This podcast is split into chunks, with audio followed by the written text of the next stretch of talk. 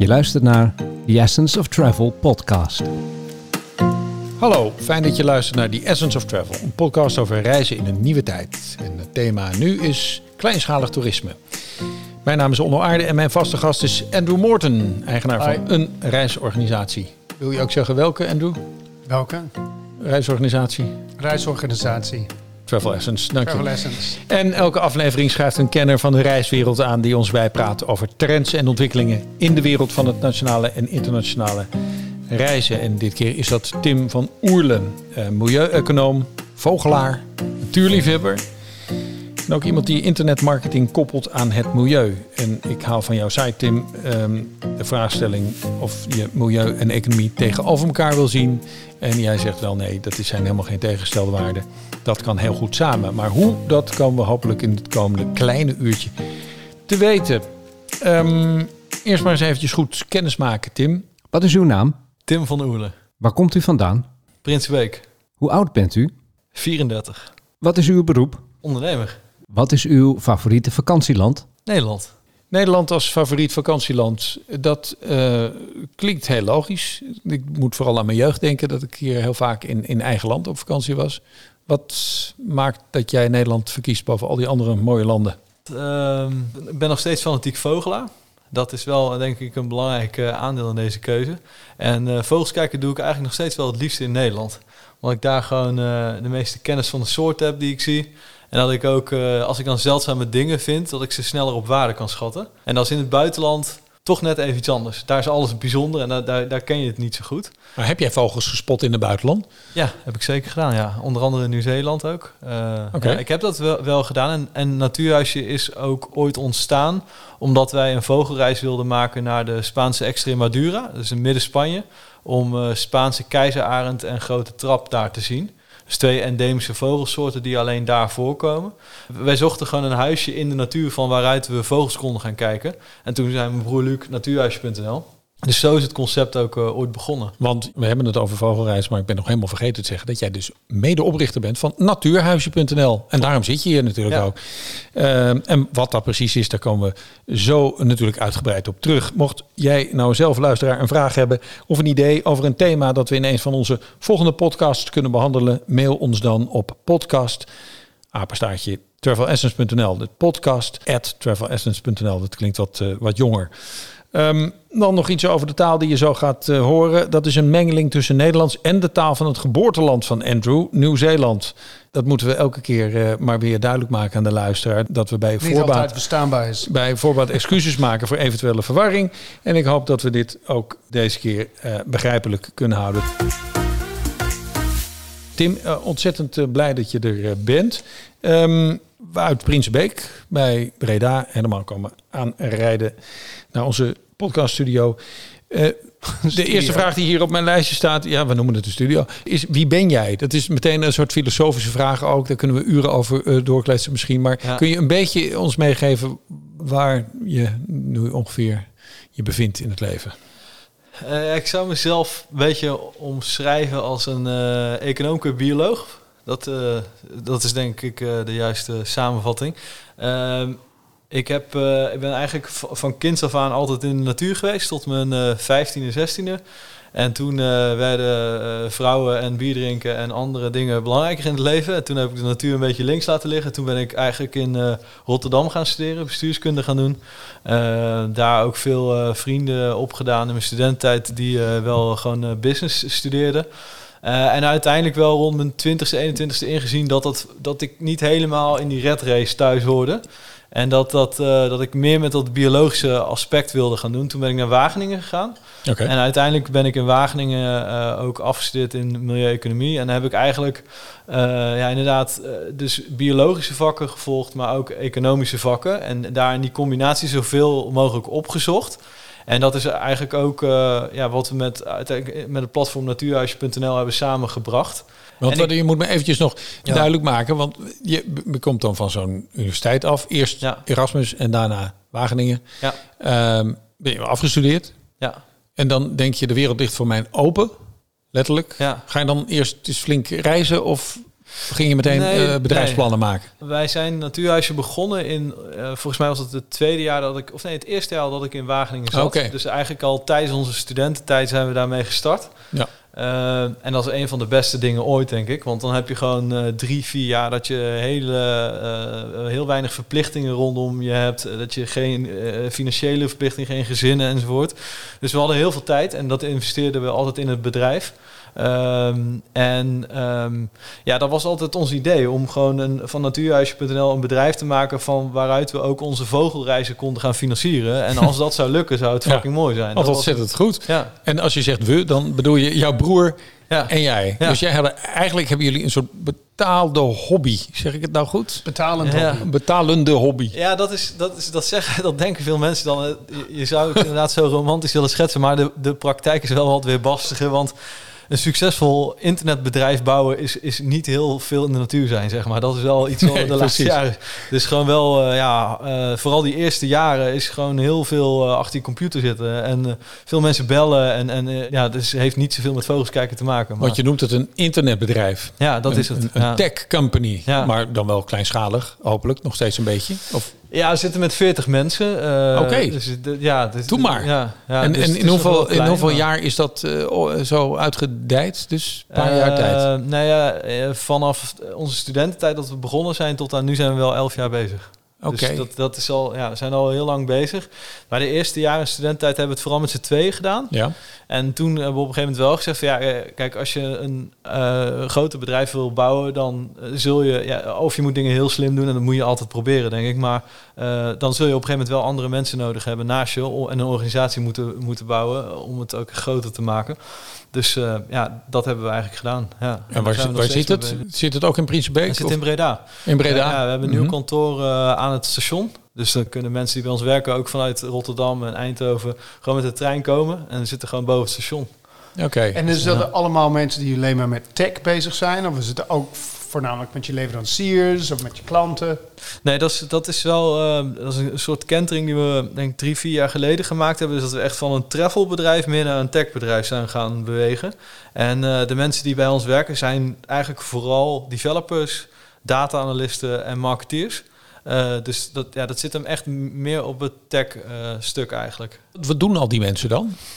Ehm, de website bouwen en beter maken. Dat is iets waar je gewoon continu, er is, gewoon continu acht tot tien man mee bezig. Oké. Ehm, dan, kun, ja, dan kun je denken aan het ontwikkelen van nieuwe features, maar ook grotere dingen over als je, ja, wat, wat ga je doen als je website heel veel verkeer in één keer aan moet qua hosting. Ehm, en anderzijds natuurlijk gasten tegen een zo laag mogelijke prijs naar het platform halen en laten converteren in een boeking. En dat, ja, dat is gewoon een heel ingewikkeld spel waar je echt mensen voor nodig hebt die daarin beter zijn dan jezelf. En dat, eh, daar zijn we vooral mee bezig geweest afgelopen jaar. Om die talentvolle mensen die dat heel goed kunnen, om die bij ons team te halen.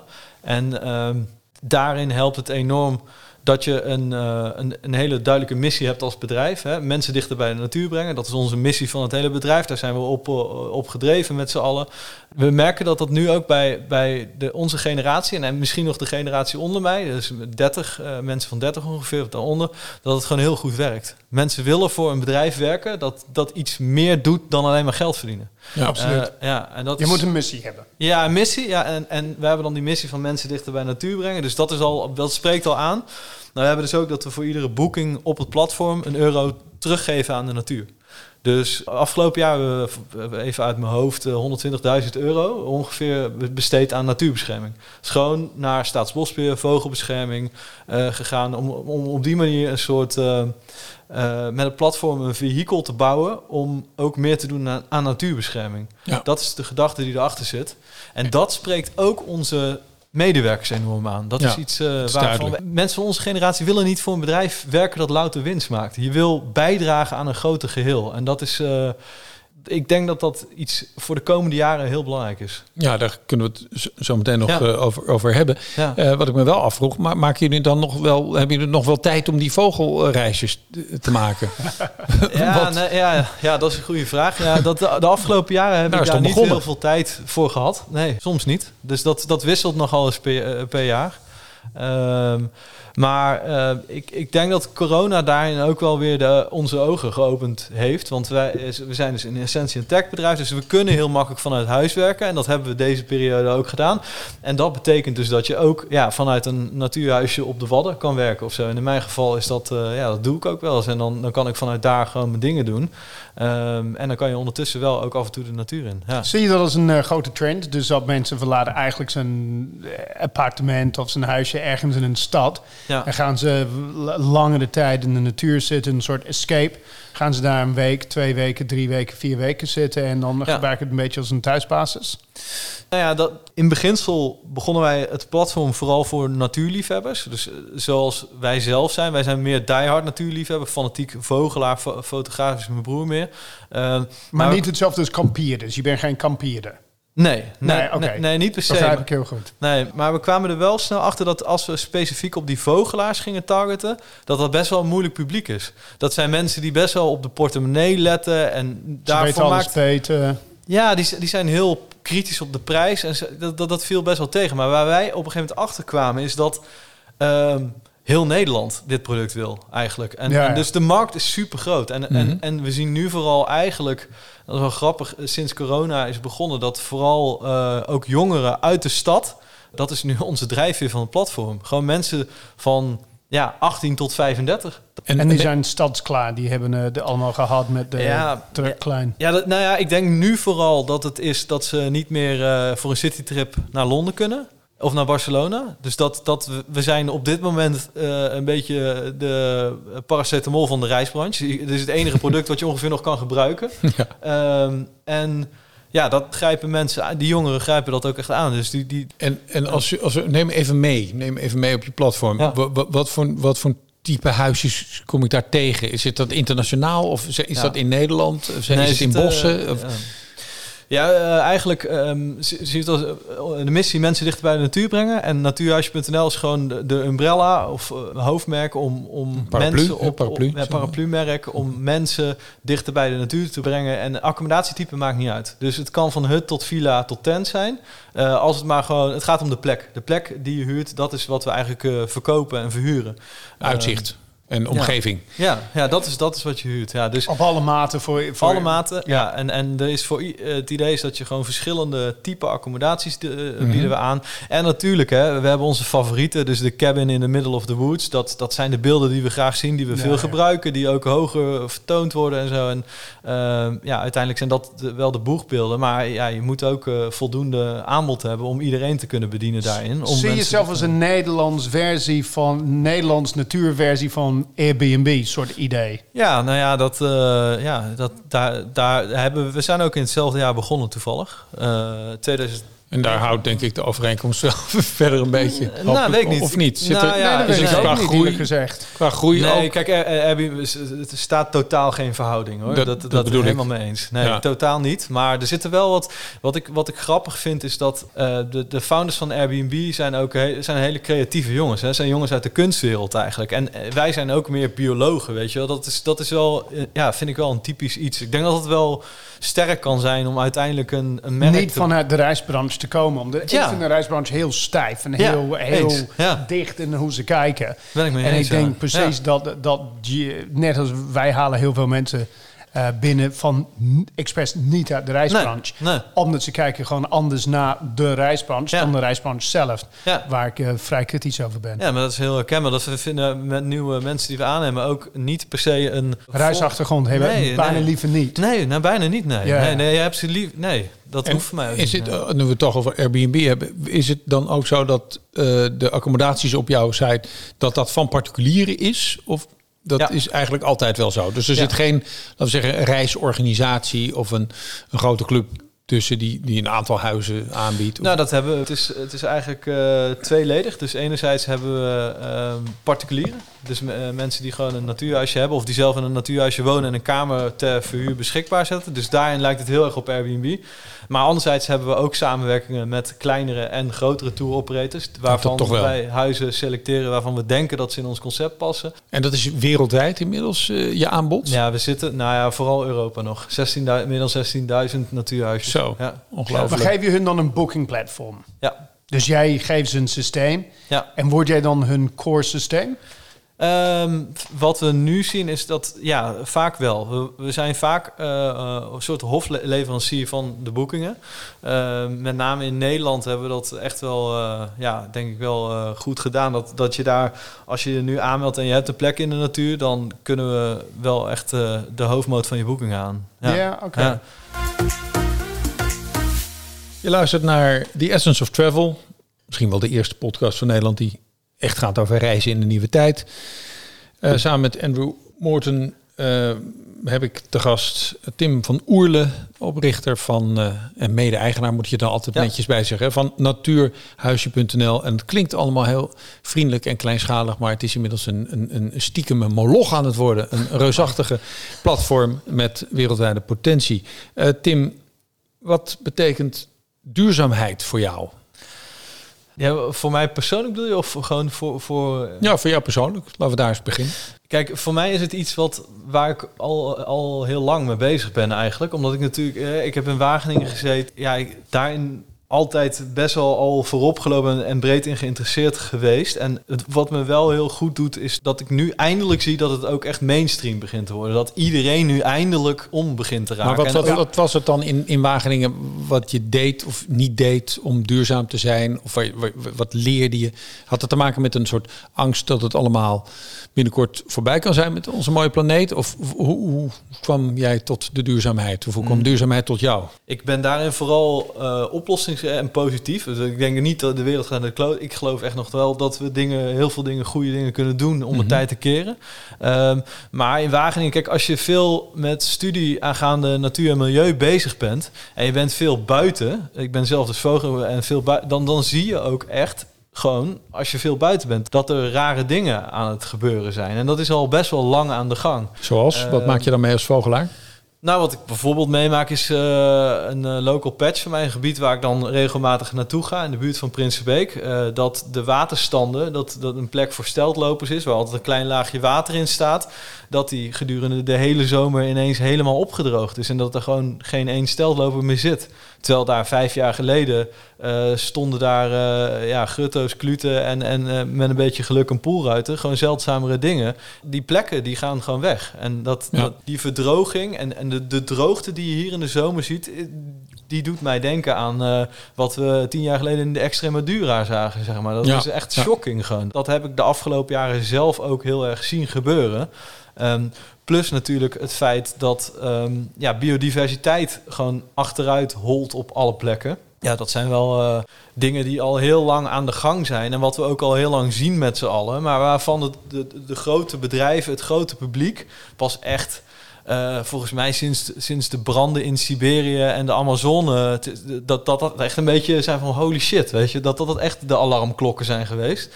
Terwijl daarvoor natuurlijk ook allemaal best wel heftig was. Maar dat dat een beetje de triggers zijn geweest. En ben je zelf op een of ander moment dusdanig, ja, laten we zeggen, eh, daardoor geïnspireerd door dat soort vreselijke beelden, dat je dacht, ik moet nu echt mijn gedrag gaan veranderen? Of iets anders, Ja, een andere auto dat- gaan rijden? Of, ja, nee, ik, heb, ja, ik rij- rijd zelf ook wel elektrisch. Dus ja, ik doe natuurlijk ook alles wat ik daarin kan. Ja, dus ik probeer daar wel een beetje mee. eh, ik vind het ook leuk. Dus, maar, maar dat is de- denk ik meer hobby. En ik geloof ook wel in van ja, eh, als je het zelf niet doet, dan kan je het ook nooit over de bühne brengen. Dus je Nou, moet maar dus ook als ja. je met je leveranciers in gesprek gaat en je hebt Ja. ook begrip van, wij zijn ook bezig om eh, video's te maken voor onze leveranciers over eh, easy, medium en hard things you can do. Ja. Nou ja, en dus als je, als je de easy al zelf doet, dan ga je heel makkelijk over. hè. En je kijkt Ja. heel pragmatisch naar. Dus een van de dingen is bijvoorbeeld zonder chemie schoonmaken. Nou ja, Ja. stoom. Hè, je Ja. kan alles doen met stoom. Ja. En dus dan op die wijze... Kun zonder eh, reinigingsmiddelen schoonmaken? Of, ja, dus je kan heel veel dingen schoonmaken met stoom. Mhm. Eh, en dus dan heb je geen chemie nodig. En als je kijkt met eh, je hebt grey water of black water systemen, of het gaat ergens de put in, of ergens nog een rivier in. Nou ja, chemische spullen niet in het watersysteem flikkeren is wel een hele simpel en heel goed beginpunt. Ja. En dat gaat vaak over kleine dingen. Ja, nou weten we, Andrew, nou ken ik jou vooral als iemand die dan heel bewust bezig is met zijn eigen duurzame leven. Most of the time, zou ik maar zeggen, time, in, in- ja. in jouw taal. Ehm, en hoe zit dat bij jou, Tim? Ben, ben jij ook een, soort- laten we zeggen, een, be- een soort bewuste consument geworden? Ja, ja, zeker wel. Ja. Ik, ik, eh, ja, ik, heb al, ik heb al twee jaar niet gevlogen. En ik denk ook niet dat ik het zo... ik ja. ook niet, maar goed, dat, punt, dat is dankzij COVID. Ja, nee, dat snap ik. Ja, nee, ik ben daar wel... eh, ja, ik, ik, Doe je ben aan de offsetting wel- dan? Als je, als je kijkt naar carbon of je zegt nee, moet je niet doen? Als je vliegt bedoel je? Ja. Ja, als, toen, toen ik vloog deed ik dat uiteraard. Ja, maar dat is ja, een paar... eh, ja, dat, dat heb ik wel gedaan, ja. Wat vind je ervan? dan? Nou, ik denk dat het, dat het goed is. Oké, Eh, ja. Maar dat het misschien ook weer niet eh, goed genoeg is of zo nog. Of Ja, dat, dat- dat we met grotere dingen zullen moeten gaan komen. Eh, kijk, het, het is 2 voor 12. Ja, ik verbaas me vaak wel over het feit dat er eh, met vliegen en zo... dat het allemaal nog eh, zo goedkoop kan. En dat, dat iedereen dat ook nog maar doet. Daar verbaas ik me wel over. Ja. Nou, ik was met Cathay in gesprek. Cathay die is een A-merk. Die bedient het hogere segment. ja, Die vliegen met grote afstanden. ja, Ze hebben hogere ticketprijzen onder het grote afstanden. Ze hebben hele Mhm. nieuwe machines. Ik zeg, waarom bouw jij dan niet carbon offsetting in als gewoon in je vliegticket ja. kost? Dat het Ja. gewoon standaard is. Nou, de, de, de concept die was leuk, maar Ja. het idee om dat te kunnen doen en ze kijkt naar price competitor Ja. en da da da da. Ja. En je ziet nog steeds dat het heel price competitive is. Terwijl ze dat heel makkelijk zou kunnen doen, zeker aan het prijspunt, zeker aan de machines wat ze vliegen, zeker aan de afstanden wat ze vliegen. Ja. En de kost daarvan, hè, je hebt over een paar euro per vlucht, Ja. durven ze het niet, nog niet te doen. Ja. En dus de vraag is, jij, jij zegt 2 voor 12, wanneer komt die kantelpunt waar de airlines gaat zeggen vanuit zichzelf, weet je wat, wij gaan dat gewoon automatisch doen. Omdat Ja. ze moeten het, omdat de vraag vanuit de consumenten is er absoluut. En als eh, we nou even in jouw organisatie kijken... Mhm. eh, is dan duurzaamheid ook een... eh, is dat doordesemd in jouw organisatie? Is ja, dat helemaal... Ja. De eerste core value is uh, we're building a sustainable international brand. Dus het is gewoon uh, Ja. nummer één. En kijk, eh, ons platform is per de, wij brengen mensen naar plekken die al bestaan. Dus naar huisjes die er al zijn. Ja.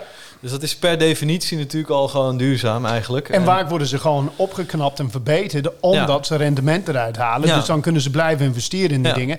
En ook wat jij zei over die, die plekken die uitdrogen, is het herstel van de natuur waar zij zitten, eh, wordt dan financieel makkelijk te doen door de inkomsten vanuit zijn tourism business. Ja. We planten eerst voor iedere geboekte nacht een boom. En nu hebben we dat omgezet in dat we voor iedere boeking een euro doneren aan een lokale Ja, natuurbescherming. wat je, wat je zei. Ja, en op die manier proberen we eigenlijk met een platform een soort vehikel te bouwen voor natuurbescherming en, en conservatie op grote schaal. Ehm, is dat dan ook, want dat vraag ik me altijd af, Ja. hè, of, of reizigers, jouw klanten, of die dat bewustzijn ook al hebben. Of dat die gewoon denken, nou, mooi huisje in het bos, fantastisch. Ja. Ik boek het bij eh, Pietje in plaats van Jantje. Ja. Nee, ik, ik denk dat dat nog wel steeds zo is, ja. Kijk, eh, we kunnen wat sturen, maar uiteindelijk zijn er gewoon dingen als prijs en locatie nog steeds bepalender in het keuzeproces van de consument dan duurzaamheid. Hoewel, Mhm. volgens mij van de week ook vanuit Booking.com weer een groot onderzoek gepubliceerd, waarin ze wel aantonen dat dus duurzaamheid wel een steeds belangrijkere factor wordt in het keuzeproces van de consument. Er is wel iets aan de gang. Het is wel cynisch dat, het, dat dat onderzoek door Booking.com juist misschien wordt... Ja, eh, maar misschien opgezet. beseffen ze dan de kwetsbaarheid van zijn eigen model. Ja. is dat als je alleen maar die hele grote eh, oud eh, meuk aanbiedt. Ja. En daar moet je het van doen. Maar langzaam maar zeker is niet wat mensen willen. Omdat, ja, ik heb ooit die vraag gesteld als je een keuze hebt tussen kleinschalige accommodatie met meer persoonlijk contact. Grootschalige accommodatie met meer faciliteiten. Ja. Waar kies je ervoor? Ja. En boven de 80 procent, ook in Nederland, ook in Duitsland, wil die kleinschaligheid. Ja. Dus, het- maar als je kijkt wat wordt aangeboden, is alleen maar eh, bijna precies andersom. Ja. 20% kleinschaligheid, Ja. 80% groot. Dus je vraag en aanbod is totaal buiten, eh, gewoon Ja. uit balans van elkaar. Ja. En ik denk, dat vind ik wel interessant wat jij zei over Airbnb. Ehm, nou ja, goed, het is natuurlijk in steden, noem maar Ja, op. ja. Maar, en, en dan heb je ook met de overtoerisme, Amsterdam is een hele grote punt daarvan. Maar als je gaat over naar jouw model, doe je dat midden in de natuur, waar een bestaande huis al staat. Ook een beetje wat wij doen met Australië en Nieuw-Zeeland. Hetzelfde verhaal. En ook nu met Amerika, is van je gebruikt bestaande gebouwen waar er zijn al mensen. En ineens ontvangen ze gasten, ze hebben dan een inkomst daarvan. En dat kunnen ze goed gebruiken voor natuurrestauratie, habitatrestauratie. Omdat vaak je gasten, je gastvrouwen, zijn ook natuurliefhebbers. Ja. Die worden dan eigenlijk niet gedwongen, is niet de woord, die worden gestimuleerd. En het wordt mogelijk gemaakt om de natuur te gaan beschermen en, en herstellen. En dat vind ik wel een hele positieve model van toerisme. Ja, zeker. Tim, zou jij jouw, jouw site natuurhuis.nl nou groen noemen en ook benoemen?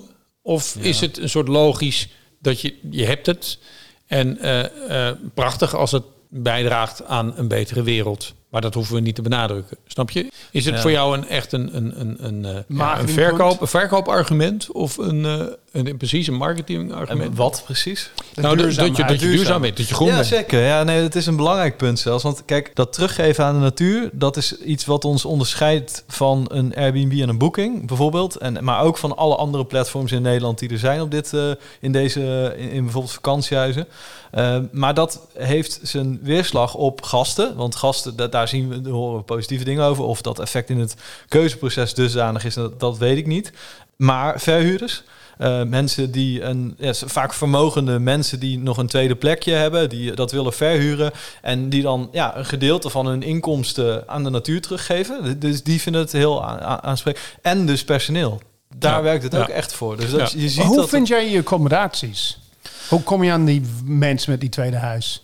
Ehm, Of komen ze naar jou toe? Ja, dan, nou ja, nu wel. Ehm, aan het begin was dat inderdaad gewoon heel erg zo- online zoeken en bellen gewoon. Ehm, maar het werkt een beetje als een sneeuwbal natuurlijk. Hè. Dus we krijgen heel veel gasten nu die nu boeken en die vertellen weer dan aan, aan verhuurders en aan, Ja, aan- ja. En, en ja, zo gaat het eigenlijk continu door. Eh, dus dat zeg, je, zeg je ook wel eens nee tegen... Ja, eh, ja. Vaak? Gebeurt dat vaak? Ja, ik denk dat, eh, ja, wat zal het zijn? Dat uiteindelijk eh, zes op de tien of zo doorkomt. Dus eh, men, mensen melden zich aan op het platform. Die beginnen met het uploaden van een locatie. Eh, en dan, dan wordt die locatie wordt door ons bekeken, door collega's. En die zeggen dan ja of nee. En, Ter plekke. nee, nee, dat doen Dus ze. gewoon de foto's bekijken. Ja, En, ja ze, ze kijken nu op basis van foto's, reviews ergens anders op het internet en de locatie via Maps en Street View. Eh, en we zijn wel bezig met, met diepgaandere modellen nog om daar uiteindelijk soort formules aan te koppelen dat je gewoon eh, een uitkomst krijgt op basis van eh, ja, een algoritme, neem ik aan. Ja, een soort algoritme. Ja, Waardes- ja, Ja. shit. Ja, ja, daar zijn we al mee bezig. Dus dan, dan gaat inderdaad, eh, ligt het in het stiltegebied, dat Ja. is dan twee punten Ja. erbij en, Ja. enzovoort.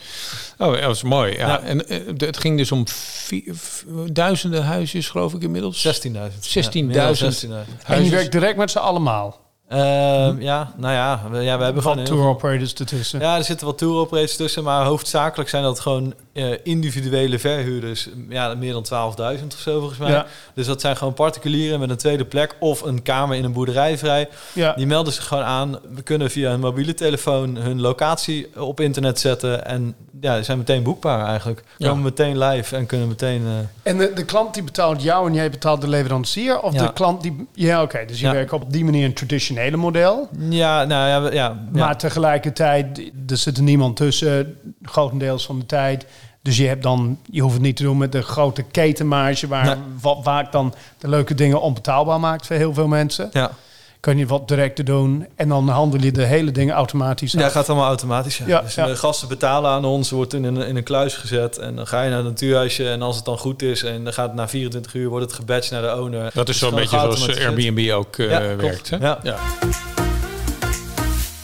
En dan, dan eh, moeten we toch nog eventjes het woord greenwashing misschien eh, laten vallen in, in Ja. deze podcast. Ehm, dat is natuurlijk het risico, hè? Dat, Ja. je, dat, dat mensen zeggen, nou, wat zijn we goed bezig allemaal. En dat je achter de schermen, dat het eigenlijk best wel tegenvalt. Dat zo'n Ja. huisje in de natuur misschien maar eh, enkel glas heeft. En dat er, Ja. dat er nog met oud butagas wordt gekookt enzovoort. Of propaangas, whatever. Maar dat, dat het allemaal niet zo duurzaam is. Hoe pak je dat aan, het risico daarop? Ja, kijk, daarin is het zo dat, eh, dat enkel glas en dat butaangas, ja, dat, dat zijn gewoon dingen die je in je advertentie aan kunt geven. Eh, als dat zo is. Eh, we zeggen altijd van ja, de gast moet als je eenmaal op locatie komt, gewoon aantreffen wat ook in de advertentie staat. Dat is gewoon een voorwaarde. Ja. Dus je mag daar niet over liegen. Dus wij claimen ook niet dat de huisjes per definitie heel duurzaam zijn. Dus, dus al, als dat inderdaad zo is, dan staat dat in de productpagina. En dan, eh, Maar het ja, heet natuurhuisje, niet duurzaam huisje. Nee, klopt. Ja, inderdaad. Ja. Dus ja, dat duurzaamheid aspect, eh, daar zitten we ook nog op, niet heel erg op. Zouden we nog wel veel meer mee kunnen Nou, omdat, omdat ik je eerder hoor zeggen dat, het, dat duurzaamheid juist een soort USP is, sterker nog een kernwaarde. Ja, En dan, dan, dan zou dat kunnen wringen als, ik, als je heel kritisch en cynisch bent. ja. Hè, van, nou, Ja. dan kom je dan toch terecht bij iets Ja. waarvan jouw mensen eigenlijk, of jij Ja, zou maar je- zeggen... jij komt altijd terug met duurzaamheid, dubbel glas butane. Maar, Ja. maar duurzaamheid is sociaal, economisch en milieu. Hè. Het is alle drie. Het zijn Ja. er drie Ja. poten. Het is niet één poot. Ja, ja. Dat milieuaspect is een deel ervan en wordt gefaciliteerd door de economisch uiteindelijk en door de wens, door de sociaal. Het moet rendabel zijn, het moet gewild worden en dan wordt het gedaan. Het wordt niet gedaan en dan hoop je dat mensen het willen hebben en dan uiteindelijk krijg je geld ervoor. Het gaat altijd eerst geld, dan sociaal en dan milieu. ja. Maar goed, je bent daarin natuurlijk aanbieder hè, van dat soort Ja. reizen. Dus je, kunt, je bent een soort judge, hè, je bent een soort jury. Je kunt natuurlijk ook zeggen, nou, dit is wel een huis, het ligt fantastisch. Maar ja, daar eh, gaat het zo mis op die milieupoot, die Ja. jij noemt, die milieukolom.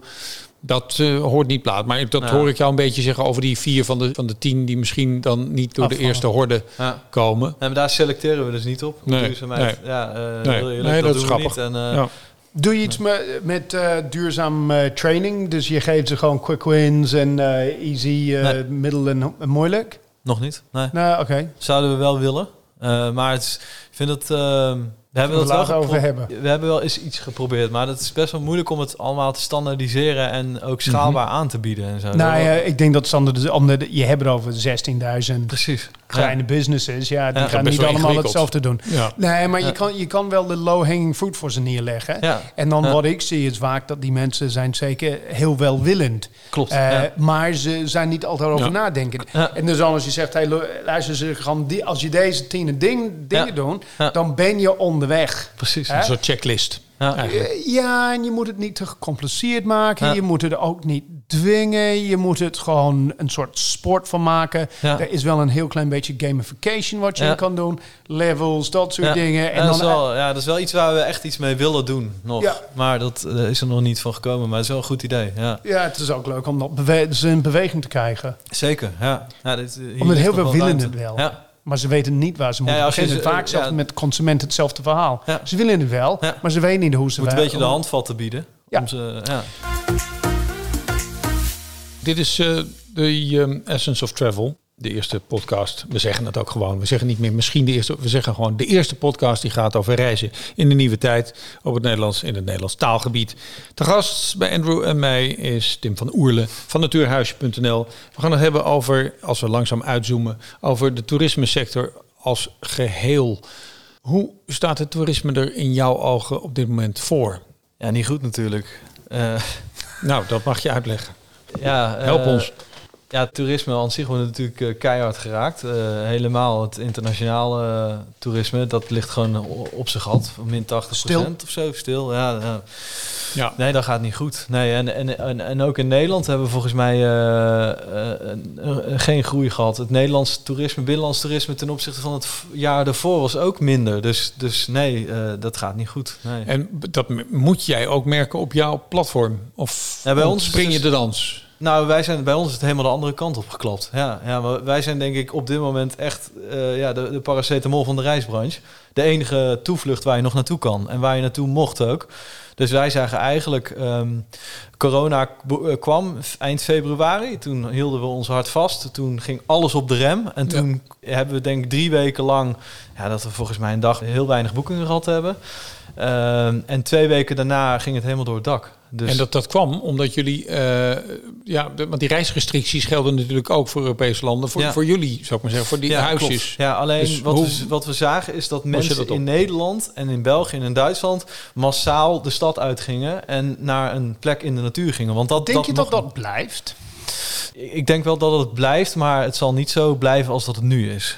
Maar ik denk, je, denk je ja. niet, dat als ze hebben de smaak te pakken, ze zijn een beetje vergeten wat het is om in een lift te staan, Ja. in een breakfast buffet te staan, Ja. in een stal, allemaal druk, winkels, het was allemaal meaningless, het was allemaal verkeerde versie van luxe. En nu hebben ze er, zijn ze achtergekomen, ik sta buiten, Ja. ik heb niet zoveel nodig, het is wat Nee. pure, ik ben aan het spelen met mijn kinderen, of ik ben gewoon genieten Ja. van het wandelen, dat soort dingen. En dat dat nu na een jaar corona, het wordt dan anderhalf jaar corona, Ja. dat dat wordt gewoon ingedrongen, het zit gewoon meer in. Ja. En dus dat wil mensen dan gaan terugleveren? Of denk je dat ze het weer gaan snel vergeten? Ja, een hele goede vraag. Ik denk wel dat het blijft, maar niet in deze mate. Ik denk dat er een heel groot gedeelte inderdaad vaker voor het alternatief natuurhuisje gaat kiezen. Daar geloof ik echt wel in. Ja. Dus dat wij onze groei prima kunnen waarborgen, dat we in de, in de goede hoek zitten.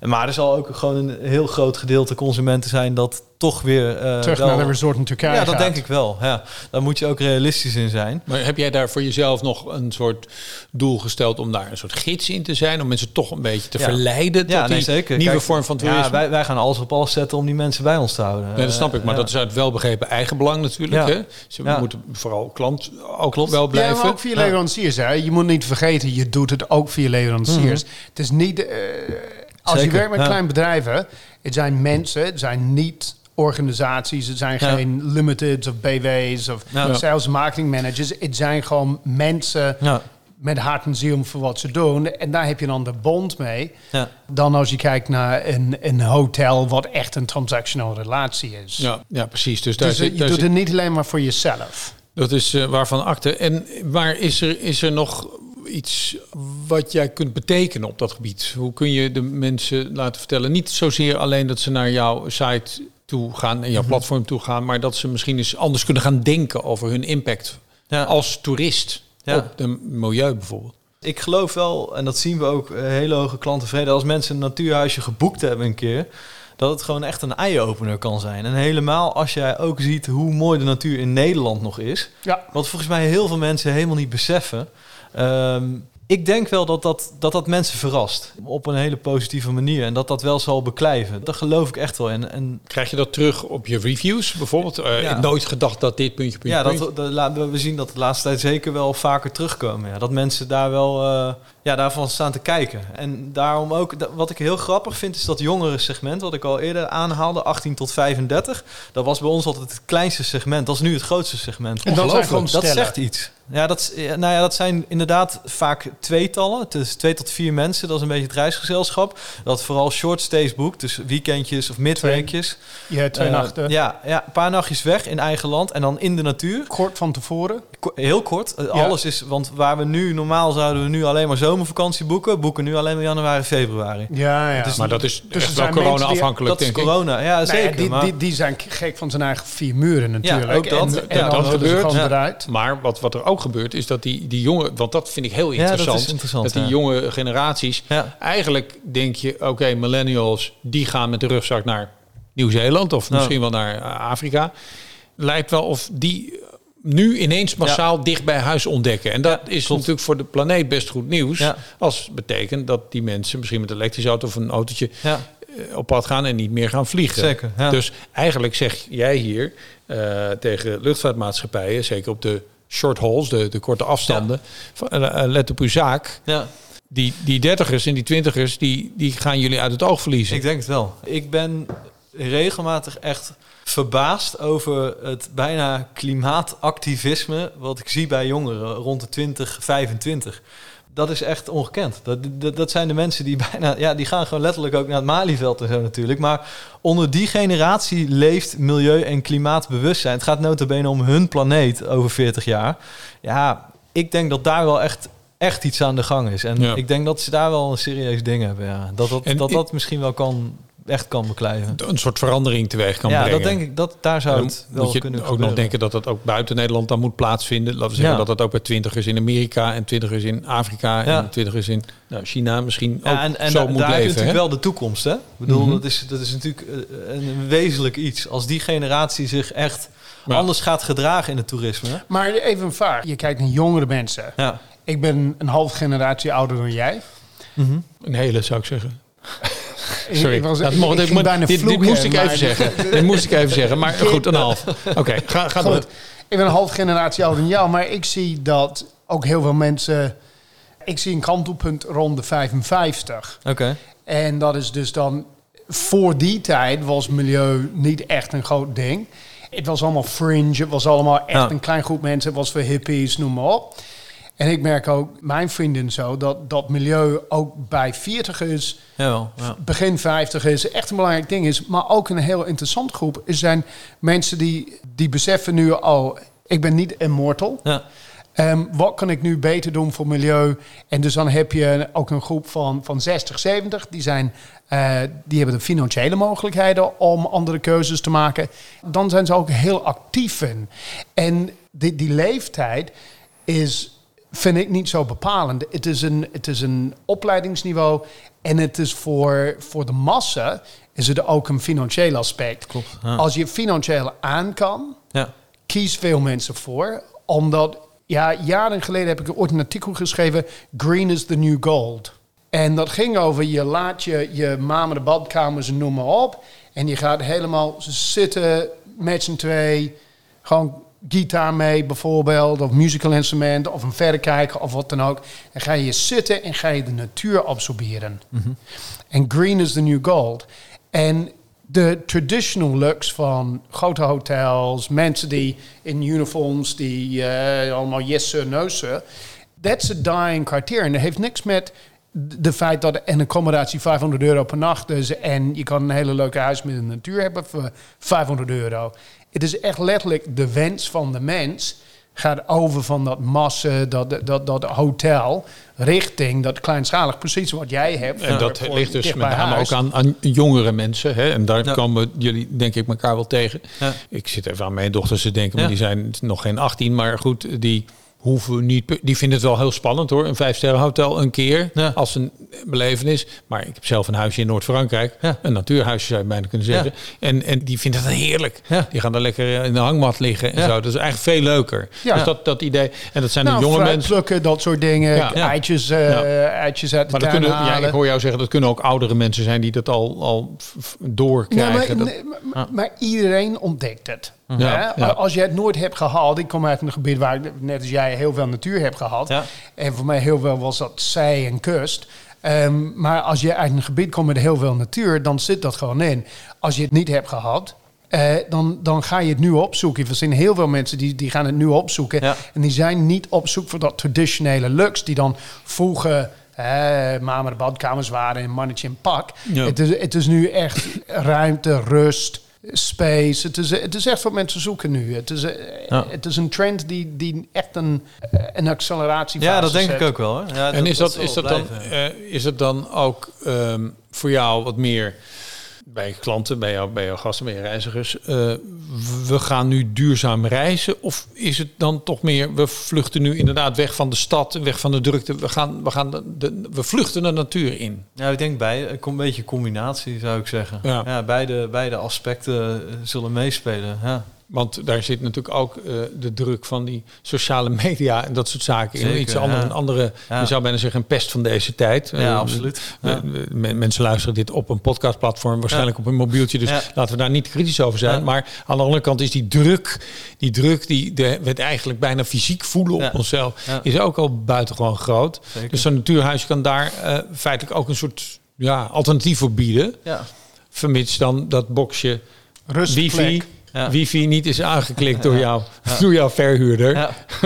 Ja. Zou natuurlijk ook nog Maar iets inmiddels zijn. heeft iedereen gewoon 4 of 5G. Dus ja, maakt allemaal niet uit. Heb je overal internet. Ja, ik zal je vertellen dat ik in mijn huisje in Noord-Frankrijk, het net over had, heb ik dus geen wifi. En mijn dochters vonden dat geen enkel probleem, totdat ze een mobieltje Ja, kregen. precies. Ja, dan is het En eh, toen heb ik heel lang volgehouden zeggen, ja, sorry, geen wifi. Maar op een gegeven moment ontdekten ze dat inmiddels de roaming tarieven natuurlijk hetzelfde waren als in Nederland. En nu zitten ze gewoon nog, Ja. nog steeds, als dat een beetje kan, op hun eh, schermpje te kijken. ja.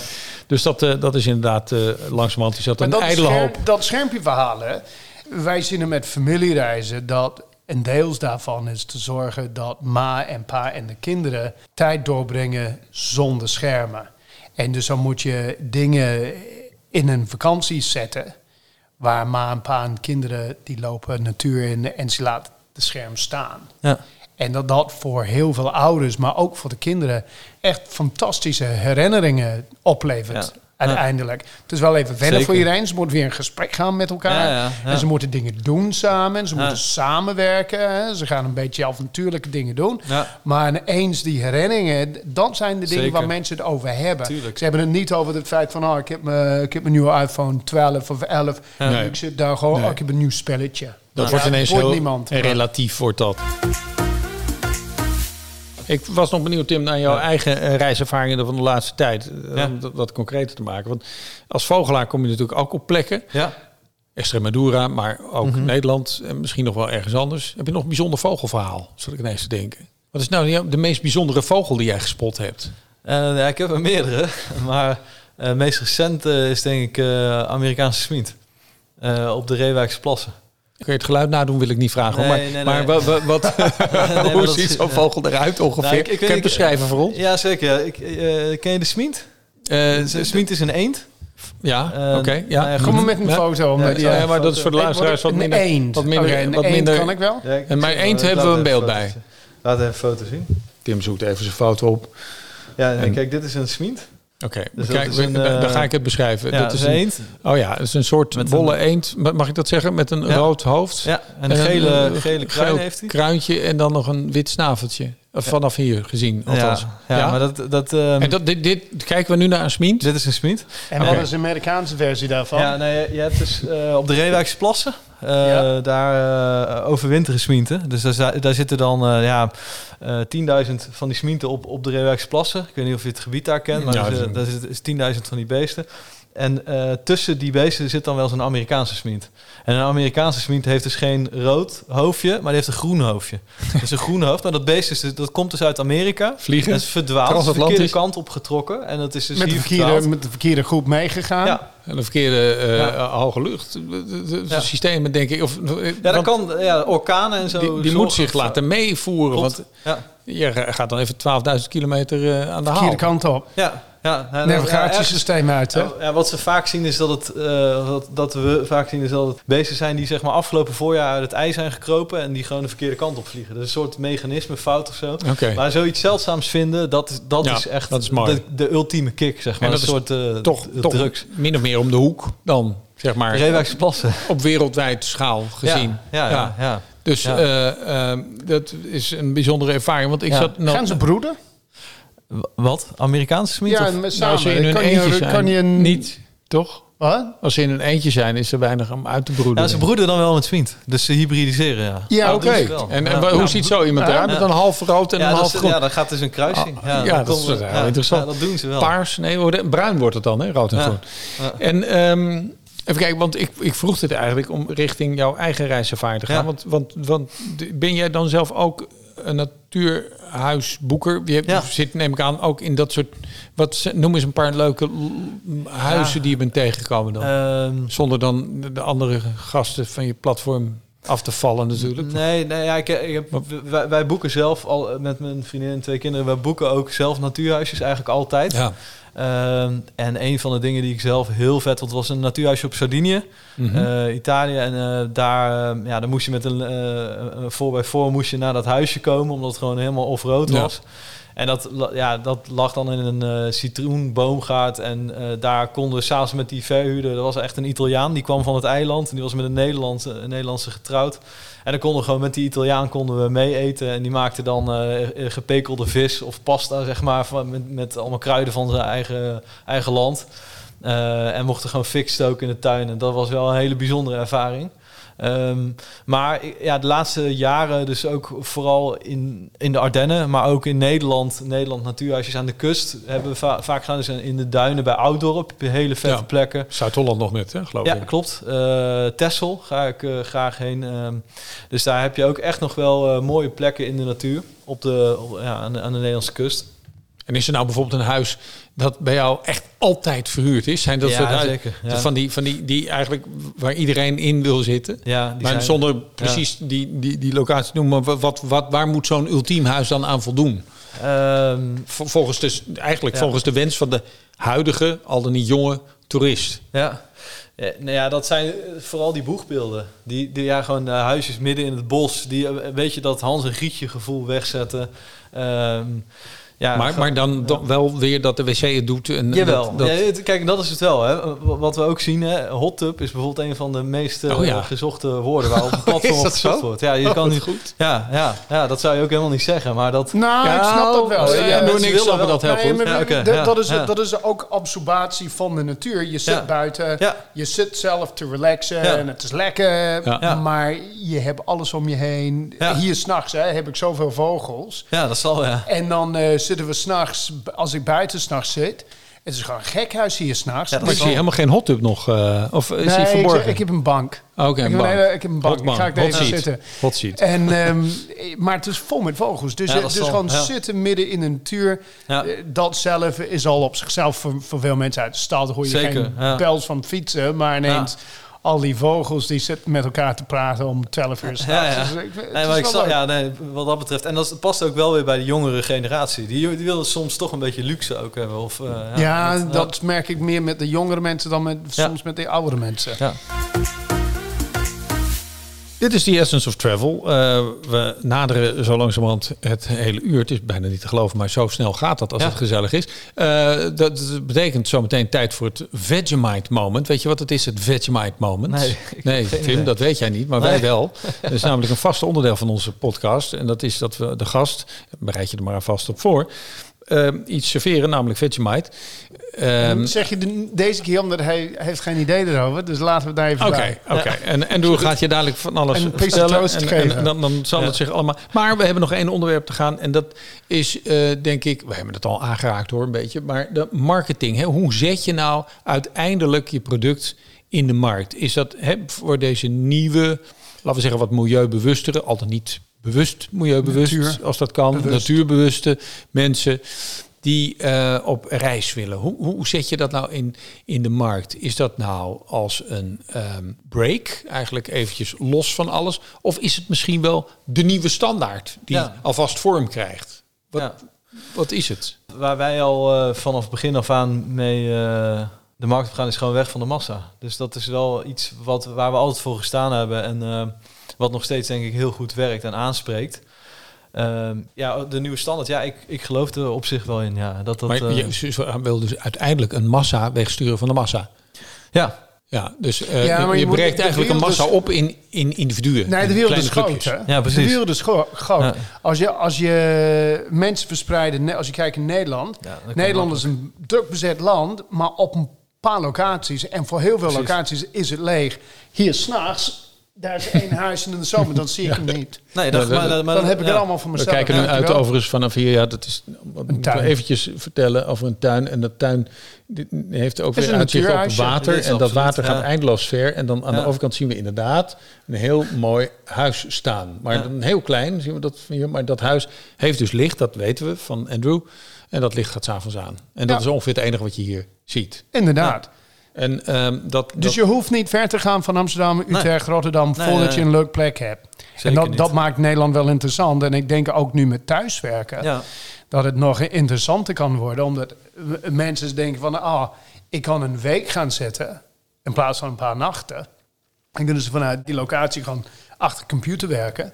En zelfs misschien krijg je een ding van, ja, kom op ieder moment vrijdag en gaat op ieder moment maandag weg. Maakt mij niet uit. Heb je hem voor, eigenlijk voor drie nachten, maar Ja. je zou eigenlijk vier volle dagen van kunnen maken. zeker. Ja. Dat soort eh, verhuurperiodes waar ja, jongere mensen denken van, nou ja, ik ga gewoon beginnen boeken in de weekend, Ja. maar wel thuiswerken. Ja. Dus dan nemen ze geen extra dagen op, Ja. maar ze dus wel twee dagen in de natuur. Nee, zeker. Ja. Ja, en, en weer dan, ja, Nederland is heel mooi. En dat is eh, iets wat mensen. Vind ik gaan- Nederlander ook mooi. Als Nieuw-Zeelander vind ik Nederland Ja, ook best mooi. Ja, Nederland is niet, echt niet overal, maar Ja. heel veel locaties echt Ja, wel. ja, Nederland kan echt eh, indrukwekkend zijn gewoon. Ja, Tim, ehm, waar zien we jou over vijf jaar terug? Ben je dan ook stiekem naar de beurs gegaan, net zoals eh, jouw grote voorbeeld aan de gene zijde van de oceaan? Of zit je dan nog steeds op je veredelde zolderkamer? Nee, dat is al lang niet meer zo. Maar Nee. zit je dan nog steeds te doen wat je nu doet? Wat, wat ben je aan het doen? Of eh, misschien heel wat anders? Nee, ik denk dat, dat we over vijf jaar in ieder geval in Europa eh, nummer één platform zijn. Want dat, eh, dat, dat En heet je dan ook Natuurhuis? Nee, dan heet je. House. Dat is onze internationale naam. Nature House. Ja.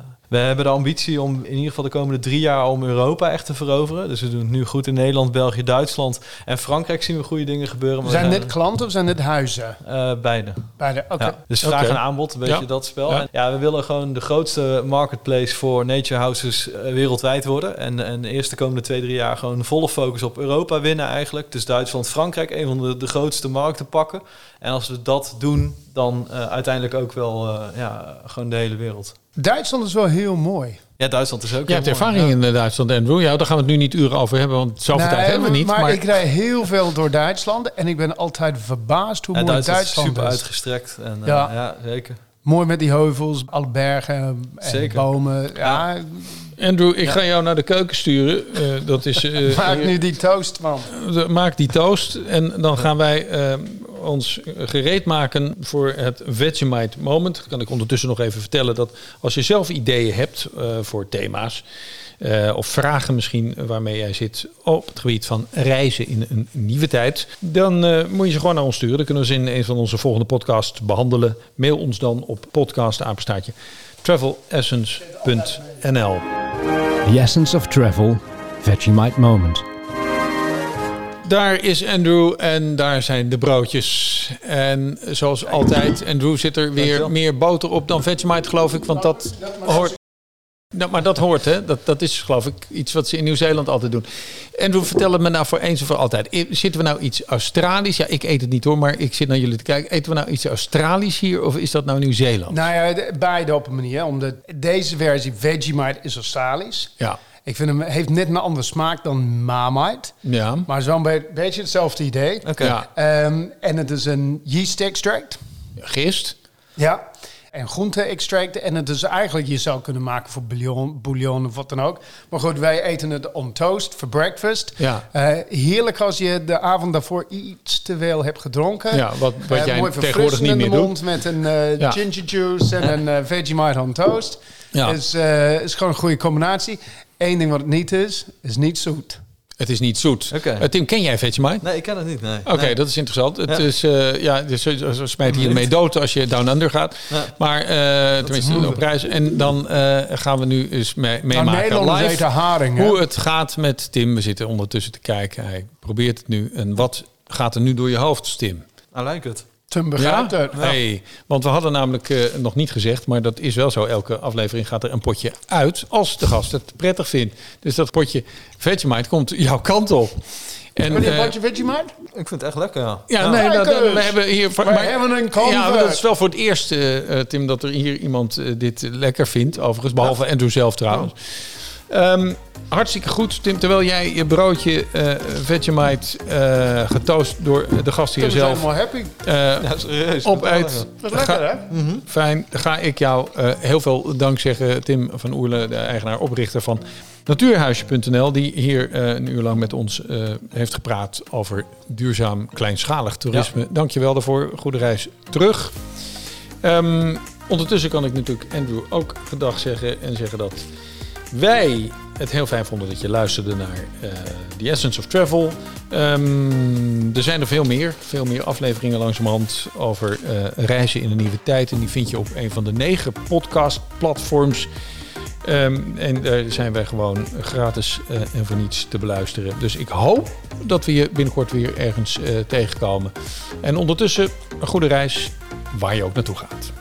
Je luisterde naar The Essence of Travel podcast. Volg ons op Spotify, Apple Podcast of je favoriete podcast app. Bedankt voor het luisteren en tot de volgende keer.